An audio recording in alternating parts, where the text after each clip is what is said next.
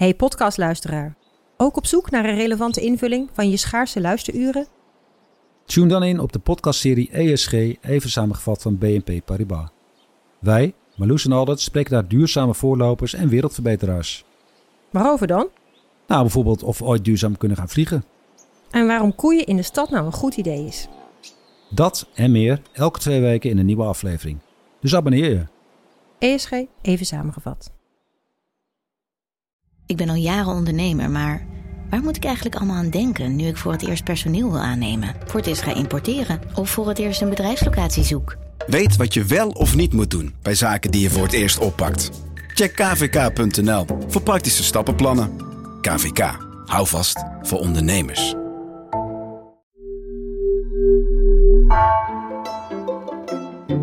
Welkom, wij zijn Onbehaarde Apen.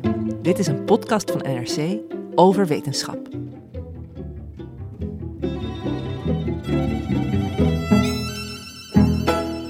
De herfst is begonnen en dat brengt storm en regen met zich mee. Maar mocht je balen van die najaarsbuien, troost je dan met het feit dat het ook nog erger had kunnen zijn. Methaanregens, sneeuwbuien van bevroren CO2, giftige wolken en horizontale glasregens. Als je het weer in de rest van ons zonnestelsel bekijkt en daarbuiten, dan valt het hier op aarde eigenlijk nog best mee. Zulke astrometeorologie is een vakgebied in opkomst. Maar hoe onderzoeken astronomen dat buitenaardse weer? Hoe nauwkeurig zijn hun voorspellingen? En waarom is het eigenlijk relevant om te weten hoe het klimaat op een planeet hier 600 lichtjaar vandaan is? Mijn naam is Gemma Venhuis en volgens mij hebben we vandaag bij Onbehaarde Apen een unicum te pakken in onze geschiedenis. Ehm, we zitten hier met twee Laura's in de studio. Nou, welkom Laura Wismans, redacteur Duurzaamheid en Techniek. Hallo. En wetenschapsjournalist sterrenkunde en astronomie Laura Bergshoef. Hallo. Hoi, nou ik, ja, ik kan jullie natuurlijk heel makkelijk uit elkaar houden, maar al- als ik jullie namen noem, doe ik het even met voor- en achternamen voor de volledigheid.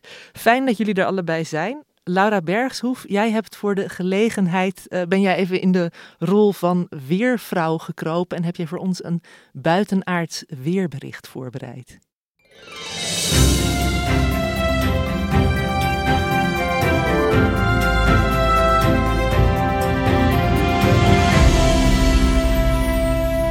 Allereerst neem ik jullie mee naar onze buurplaneet Mars. Daar is het gemiddeld 60 graden onder nul. En in de winter kan het boven de polen zo koud worden dat er wolken van CO2 bevriezen. En dan krijg je een soort droge CO2-sneeuw. Ehm, gaan we iets verder naar Venus, daar is het juist extreem heet. Eh, ongeveer 500 graden Celsius. En er hangen giftige wolken van zwavelzuur. En gaan we nog iets verder. Op Jupiter zijn er cyclonen van duizenden kilometers in doorsnee en een windsnelheid van 250 km per uur. En die houden jarenlang aan. Dat, dat is wel een code rood daar. eh. Ja, ja. Duizenden jaren code rood. En op Titan, de grootste maan van Saturnus, daar regent het vandaag methaan. En dit was allemaal nog binnen ons eigen zonnestelsel, maar gaan we nog verder naar exoplaneten, dus dat zijn planeten buiten ons zonnestelsel, zien we nog gekker eh, weer. Eh, bijvoorbeeld op WASP 76b, dat is een planeet hier zo'n 600 lichtjaar vandaan. Daar regent het vandaag vloeibaar ijzer. Het is er zo'n 2400 graden Celsius en de windsnelheden zijn meer dan 10.000 km per uur. Dat is een vrij warme douche van Ja. ijzer. En Ja. een vrij fikse fietstocht als je daar eh, tegen de wind in moet fietsen. En nog zo'n gekke HD 189733b. Leuke naam ook. Ja, hè? dat is een exoplaneet op 63 lichtjaar afstand. Daar regent het vandaag horizontaal glas of kristal, En hoezo horizontaal? Omdat de wind er heel hard Ja. waait. Nou, precies. Leek mij al. Nou, waar zullen we naartoe op vakantie? Venus. Lekker warm. Ja, dat, eh, ja, eh, toch die giftige wolken, die, die houden me nog een beetje tegen. Nou, eh, dank je Laura Bergshoef. Ik- nog steeds verkies ik denk ik toch de aarde als ik, eh, als ik het allemaal hoor. En voordat we het nog verder gaan hebben over die buitenaardse meteorologie, wil ik nog even terug naar de basis. Want we hebben natuurlijk net een hele zomerserie over het weer gehad. Maar die ene belangrijke vraag hebben we nog voor het laatst bewaard, namelijk voor vandaag. Wat is het weer eigenlijk? Laura Wismans, kun jij dat uitleggen? ja, dat dat een hele zomerserie niet aan de, aan de orde is geweest. Dat is eh, leuk. Goed. Nee, ja, weer. ehm, gaat over de staat van de atmosfeer op dit moment en nou, een beetje de komende dagen, maar uh, heel erg korte termijn. Dus echt iets anders dan klimaat, wat over lange termijn gaat, jaar of dertig of langer. Dus ja, weer gaat eigenlijk over het hier en nu en het, het speelt zich af in de atmosfeer. In het geval van aarde is dat dus de, de, de deken van gassen rondom de aarde. En het gaat dan vaak over temperatuur, bewolking, neerslag en wind. Dat zijn ja, een beetje de belangrijkste parameters. Onze atmosfeer uh, wordt ook wel de dampkring genoemd. Uh, op aarde staat namelijk water centraal in dat weersysteem. Dus we hadden net al even gehoord over dat het soms ook ijzer kan regenen. Nou, hier... Uh, Gelukkig niet. Nee, dat valt weer mee. Maar het komt omdat er hier de temperatuur een beetje schommelt rond, ja, rond de temperaturen waarop water kan verdampen en, en weer neerkomt. Um, want zo gaat die cyclus een beetje. Waar het warm is, verdampt water. Daarvan vormen wolken zich. Um, koelt het genoeg af, dan regenen die wolken weer leeg. En ondertussen stroomt de lucht ook vaak van uh, warm naar koud, van hoge drukgebied naar lage drukgebied. En dat speelt eigenlijk allemaal samen. Nou, dat is heel kort hoe het op aarde uh, uh, gaat. Uh, en eigenlijk hetzelfde idee is, gaat, gaat ook op voor die andere planeten, toch? Maar Ja, dan niet met water. Ja, eh, voor, kijk, hè, voor ons het is misschien een beetje eh, egocentrisch eh, bekeken, maar ik snap waarom we het weer op aarde willen weten. Het is fijn met het plannen van je dagelijkse bezigheden, misschien met plannen van je vakanties. Maar eh, waarom is het dan zo relevant om te weten wat het weer doet op andere planeten? Ja, ik gaf net al een klein overzicht van het weer op andere planeten die relatief dichtbij staan. Dus onze kosmische buren in het eigen in ons zonnestelsel. En het was al super divers. En eigenlijk is dat best wel raar. Vooral als je kijkt naar Venus. Want Venus is ongeveer op dezelfde tijd ontstaan als de aarde. Eh, ook op dezelfde plek. En ze zijn ongeveer even groot. Dus ook al staat Venus iets dichter bij de zon dan de aarde, zou je verwachten dat ze min of meer gelijk zijn van klimaat. Maar ik zei het al, Venus is super heet, heeft giftige wolken. Hoe kan dat? Ja, dus je wil eigenlijk eh, begrijpen wa- waar die verschillen vandaan komen. Ja, precies. En een andere vraag die dat ook oproept, van is de aarde het weer, wat Laura Wismans net zei, of met water, regen, en is dat dan normaal? Of is het juist uniek? Is Venus juist eh, de norm? En daarom kijken we dus ook juist verder naar exoplaneten, want er zijn eh, naar schatting honderden miljarden andere planeten. En door dan te gaan kijken van wat is het weer daar, hopen we iets meer de plek van de aarde eigenlijk te begrijpen in het universum. Of we juist speciaal zijn of juist niet. Maar en, en, en nou ja, ik denk bij dit soort dingen toch ook altijd wel. Is er nog een, een tweede aarde die we daarna kunnen opsoeperen? eh, Waar we ook Ja. kunnen niet echt mee? Welke planeet was het ook weer met die CO2-sneeuw? Mars. Oh ja, nou dat is misschien dan nog wel een lekkere wintersportplaneet. Eh, Ja, Ja, ik had het in het begin al even over astrometeorologie. En nou is die term ook al eeuwen in zwang voor een pseudo-wetenschap, namelijk de meteorologische astrologie, waarbij mensen het weer proberen te voorspellen aan de hand van de stand van de hemellichamen.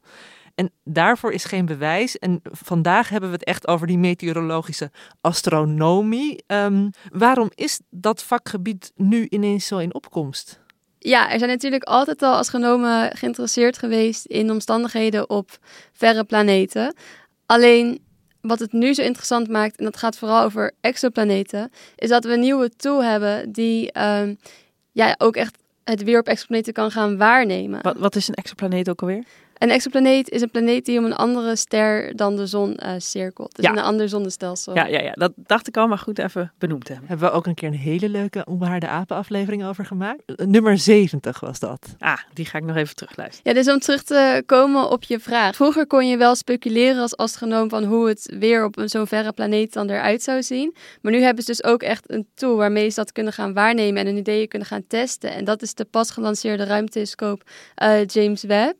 Die is sinds de zomer actief en die is zo gevoelig dat hij dus die veranderingen bijvoorbeeld in de atmosfeer, eh, als het goed is, gaat kunnen waarnemen. En dat is wat Laura Wismans net ook zei. Die atmosfeer is natuurlijk heel belangrijk voor het weer. Daar gebeurt het. Dus dat is heel spannend voor een astronoom. Dat je niet alleen maar gaat speculeren, maar ook het Want, want eerder dat speculeren, waarnemen. dat ging dus eh, over de eigenschappen van de planeet. Je wist ongeveer hoe warm het was. Je weet waar de uit is samengesteld. Dus het zal wel ijzer regenen. Ja, precies dat. Ja, En nu kan je het daadwerkelijk zien. Ja. Ja, ja, ja dat is het idee.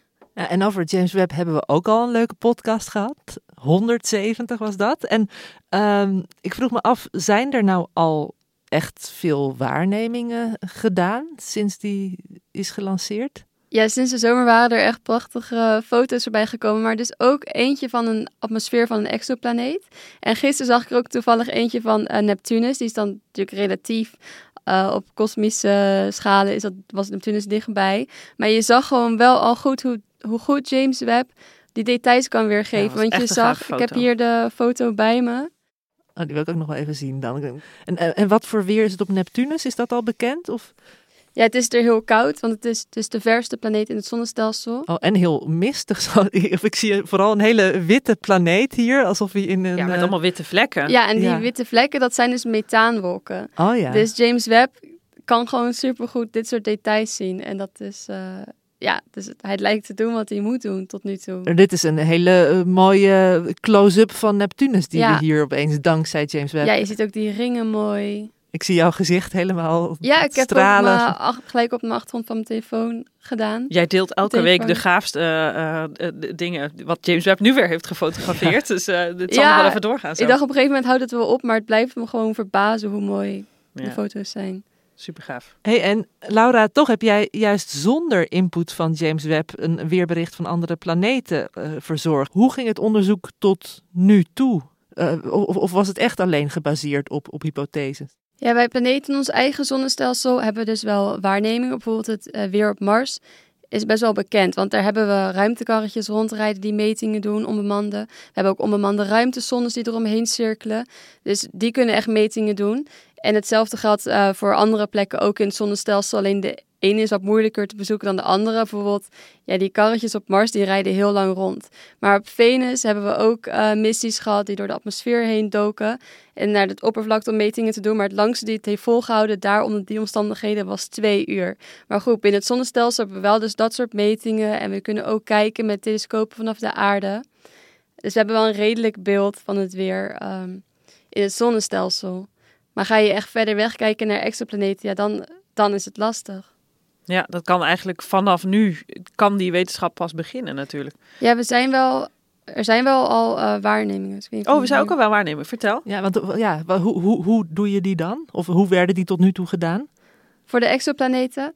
Ehm, ja, het zijn eigenlijk grofweg twee manieren om dat te doen. Dus aan de ene kant, er zijn wel al wat waarnemingen, maar die zijn dus minder gevoelig eh, dan James Webb.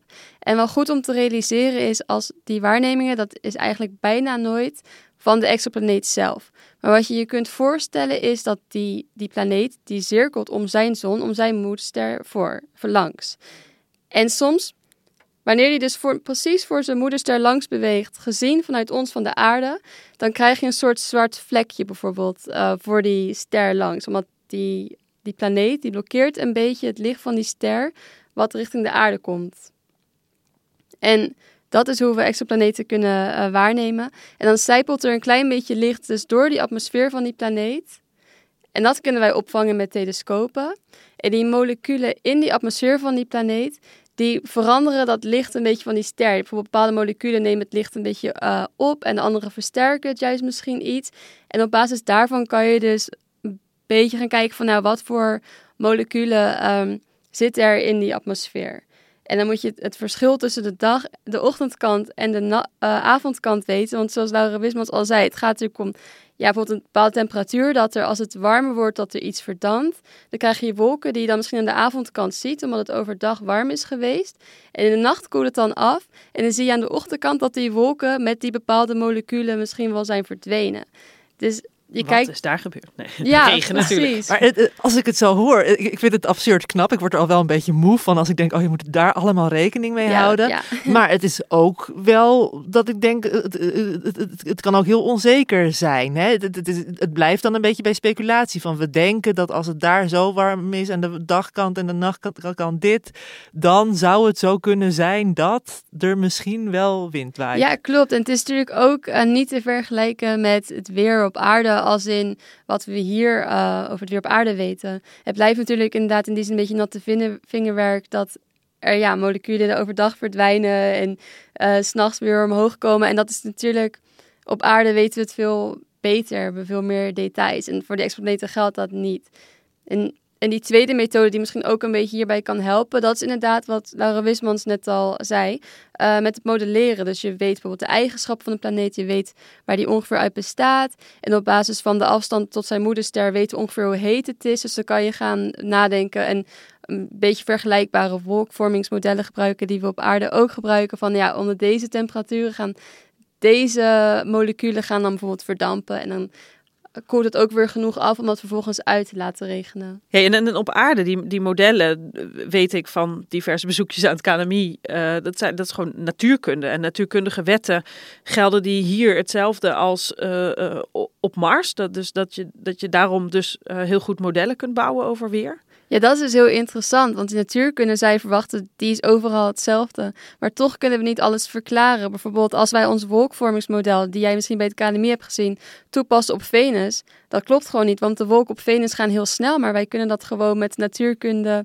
die we hebben gewoon niet verklaren. Dus waarschijnlijk weten we ook gewoon nog niet genoeg of zo, want we kunnen niet extrapoleren naar andere planeten. Nee, nee, je kan niet het, uh, het, het weermodel over uh, Nederland en Denemarken uh, gewoon maar over Venus loslaten. Nee, precies. Maar de natuurkunde, ja, die is, het, die is overal in het universum hetzelfde. Ja, ja. Hm. Nou, wat raar dat we dat dan toch niet, niet goed kunnen verklaren. Ik zit nog steeds met dat weerbericht van het begin in mijn hoofd, Laura. Want jij had het toen over ijzerregens op wel, welke planeet was dat ook alweer? Was het op een exoplaneet? Ja, er was op een exoplaneet.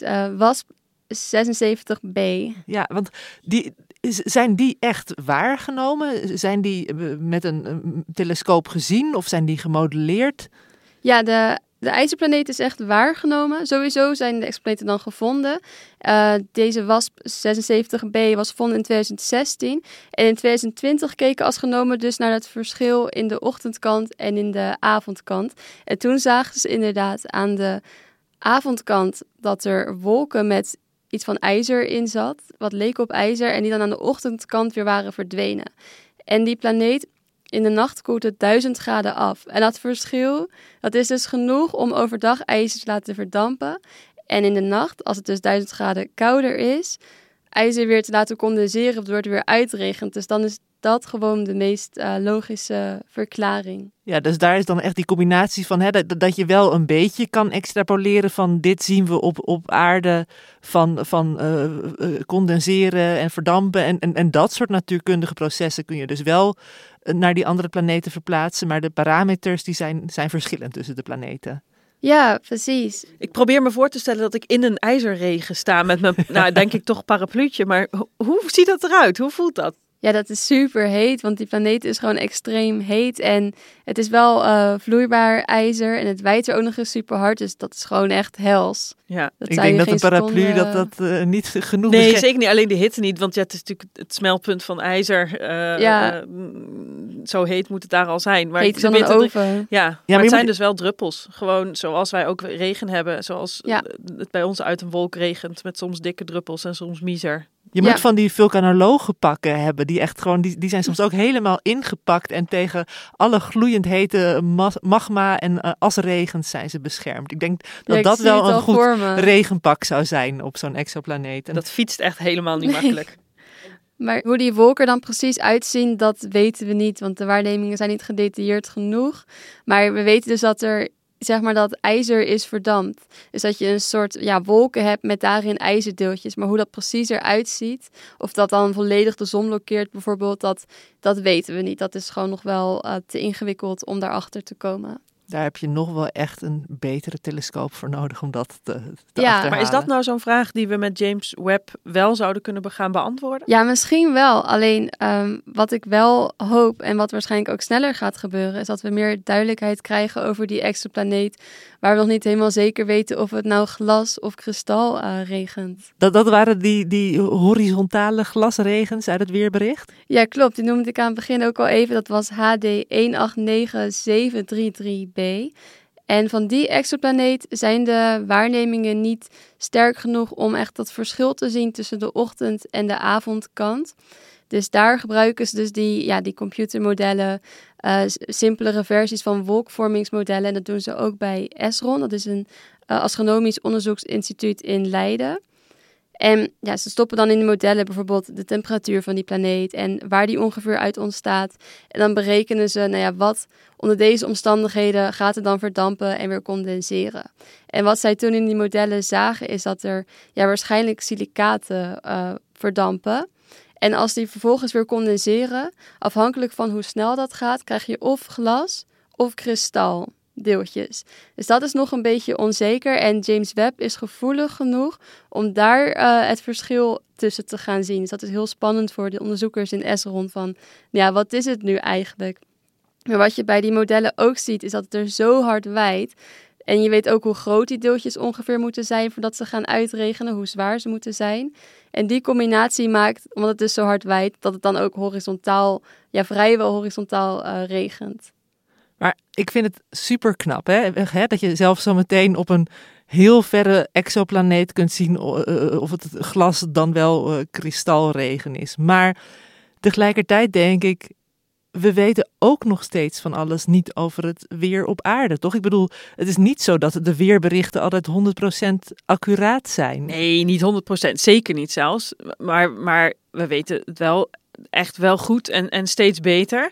Uh, maar goed, ja, nee, zeker over wolkenvormen bijvoorbeeld. We hebben het nu, het, het woord wolken komt heel vaak uh, langs, maar ik las laatst best wel een interessant onderzoek over uh, wolken op aarde. En dat er um, uh, nog best wel veel onduidelijkheid is over de interactie tussen aerosolen, dus deeltjes, zoutdeeltjes of deeltjes die bij een vulkaanuitbarsting uh, vrijkomen.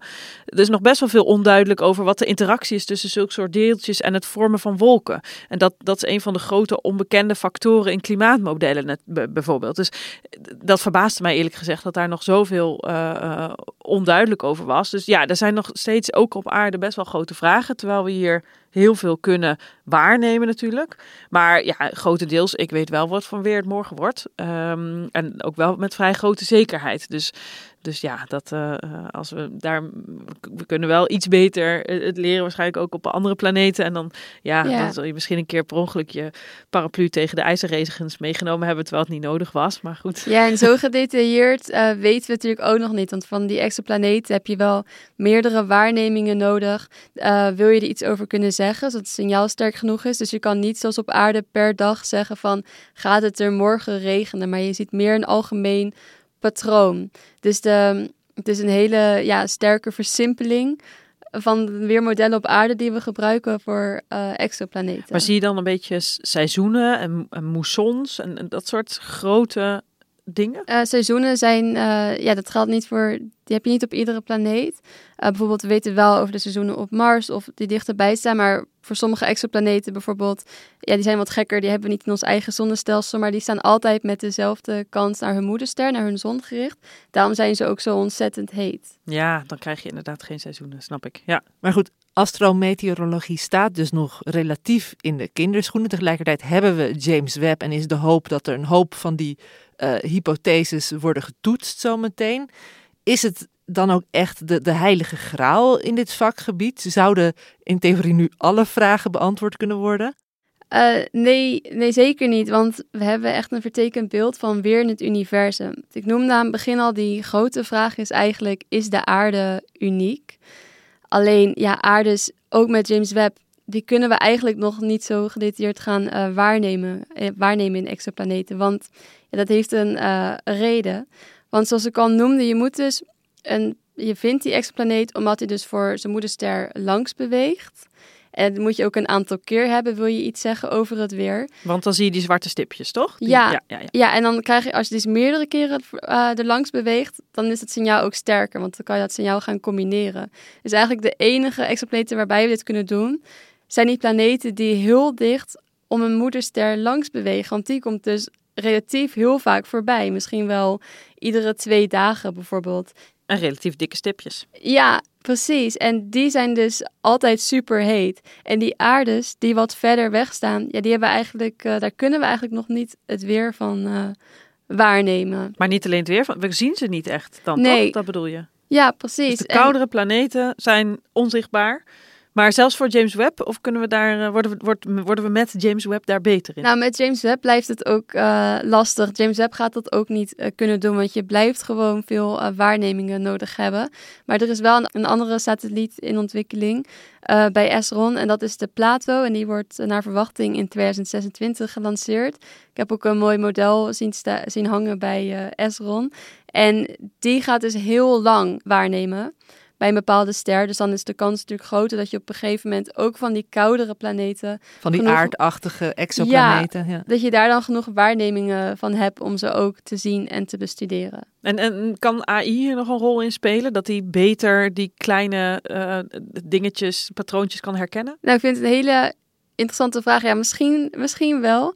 En misschien helpt het bij het zoeken. En ik weet eigenlijk niet of er ook al mensen daarmee bezig zijn. Alleen dan blijf je nog steeds wel, lijkt mij, met het probleem zitten dat je dan veel waarnemingen eh, nodig hebt. Dus dat die planeet alsnog ja, vaak voorbij moet, eh, vaak genoeg voorbij moet eh, komen. Ja. Wil je er iets over zeggen? En ik denk niet dat AI dan daar iets in kan veranderen, maar misschien wel bij het opsporen. Ja, ja, nee, snap ik. hey, maar we, we hebben net een beetje Hosanna eh, over, eh, over James Webb. James Webb is hier, maar er is dus een, een wereld na James Webb. Dit vakgebied wordt dus uitgebreid en uitgebreid. Ja, Net als het heelal zelf. Het Ah. uitdijende kennis. Ja, ja, dus James Webb kan wel gevoeliger gaan kijken naar de atmosferen. Dus die kan er dan meer over zeggen. Waar we nu dus, zoals bij die eh, eh, kristal- of glasregens, waar we nu nog ja, niet echt kunnen zien, denken we dat James Webb gewoon de komende maanden daar verandering in gaat eh Ja, en jaren. James Webb blijft natuurlijk lang. eh, Ja, Ik vind het fascinerend dat je dus, je hebt een, een, een, een nieuwe technologie en ineens wordt een heel nieuw vakgebied ontsloten. Soort van, nou ja, ik bedoel, het was er dus al wel een beetje, maar ineens worden veel meer, dankzij James Webb en misschien wat hierna komt, is er gewoon veel meer mogelijk qua, Net als- qua onderzoek. Dat, Net als de microscoop eh, bijvoorbeeld de microbiologie Nou, op gang heeft ik heb net een heel leuke biografie van Anthony van Leeuwenhoek gelezen. Ja, dat inderdaad. Dat is echt wel. eh, een, zo, zo gaat het met, met heel veel. Ik ben toevallig nu een stuk aan het schrijven over eh, windenergie met vliegers. Ehm, Klinkt ook leuk. ja, ja nou, misschien gaan we daar ooit nog eens over hebben. Maar wat ik daar ook zo leuk aan vond, is dat al in de jaren tachtig het idee werd beschreven en dit idee werd geopperd, maar dat ja, het materiaal was er gewoon nog niet aan toe. En bijvoorbeeld, eh, door, dankzij dat er veel meer rekenkracht op, op kleine oppervlakjes past, kan nu wel ineens zo'n vlieger eh, gaan vliegen en daarmee windenergie opwekken. En zo gaat het zo vaak. Heel vaak, trouwens, in de laatste tijd heel vaak is het een kwestie van meer rekenkracht eh, wat beschikbaar komt. En dan is er ineens, de genetica neemt ineens Ja. een vlucht omdat er meer rekenkracht is. En nou ja, dat Ja. geldt denk ik ook voor, voor James Webb. Ik vind het echt heel leuk dat er ineens zo'n, ja, door zo'n technisch ding ineens een, een heel nieuw vakgebied, eh, een, een loop, eh, ja, Ja, en Ja. rent. Ja, want het leuke is, James Webb is eigenlijk niet per se hiervoor gebouwd, voor exoplaneten. Dus hij is gebouwd om heel diep in het heelal te kijken. En Ja, daarvoor ja. moest hij heel gevoelig zijn.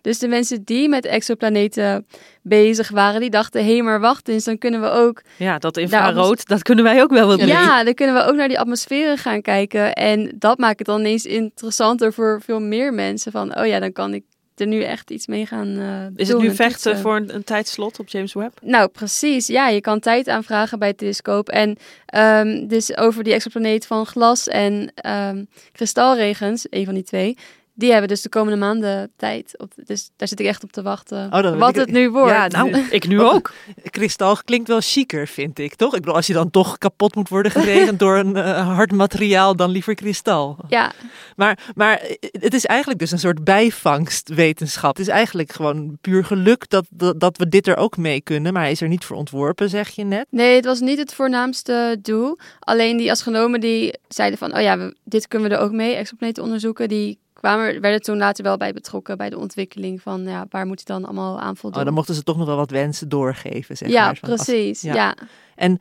Eh, in die zin is het denk ik dan dus ook lastig om soms eh, eh, wetenschappelijke voorspellingen te doen, omdat je zo afhankelijk bent van die technologie dat je denkt, hè, soms kun je niet eens bedenken wat er over 10 of 20 jaar mogelijk is, omdat gewoon de apparatuur nog niet. ja, Nou, leuk hè, Ja, wetenschap. Ja, Dat is ook wel echt binnen de astronomie zo, dat onze theorie loopt gewoon voor op onze waarnemingen.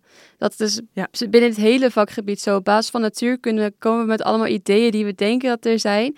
Maar ja, dadelijk zegt James Webb of een andere telescoop wel heel iets anders. ja. Oh, en dat lijkt me leuk. Ja, dan moeten we gewoon weer terug naar de tekentafel en misschien wel natuurkundeboeken gaan aanpassen. Ik weet niet, maar Jullie kijken er echt helemaal blij mee. En ik denk, oh, wat een werk. Ja. ja, Maar goed, dat, de, de onafhankelijke kritische wetenschap, die, eh, die moet inderdaad de hele tijd zichzelf ook, eh, ook blijven onderzoeken. Hey, en ik ben tot slot nog wel even benieuwd, eh, Laura Bergshoef. Want ehm, we hebben het nu de hele tijd over dat, dat al die soorten weer die er zijn. Hè, en die meest extreme weerberichten. Maar denk jij nou eh, dat de kans groot is dat we, dat we op een eh, andere planeet of exoplaneet dus ook die aardachtige weersomstandigheden vinden uiteindelijk? ja, ik denk dat die kans heel groot is. Want water is gewoon niet uniek ehm, in het universum. Dus ik denk dat er echt wel ergens planeten zijn die op de aarde lijken waar het ook water regent, omdat ze dus dezelfde temperaturen hebben. Alleen ja, we kunnen ze gewoon nog niet zien. Eigenlijk de enige wat koudere plek eh, die we kennen waar iets vloeibaars neerregent, dat is dus Titan, die maan van Saturnus waar het eh, methaan regent. Nou, ondertussen moeten wij maar gewoon dan genieten van ons heerlijke aardse weer. Met hopelijk nog wat lekkere Ja, herfststormen. het lijkt ineens minder erg. En eh, nou, ik wil jullie bedanken voor jullie aanwezigheid. Eh, Laura Wismans, Laura Bergshoef. Ehm, voor de productie dank aan Liz Doutsenberg en Rosa van Toledo. En voor de tune, jullie raden het al, natuurlijk het onvolprezen Dudok kwartet. Wij zijn er volgende week weer. Tot dan.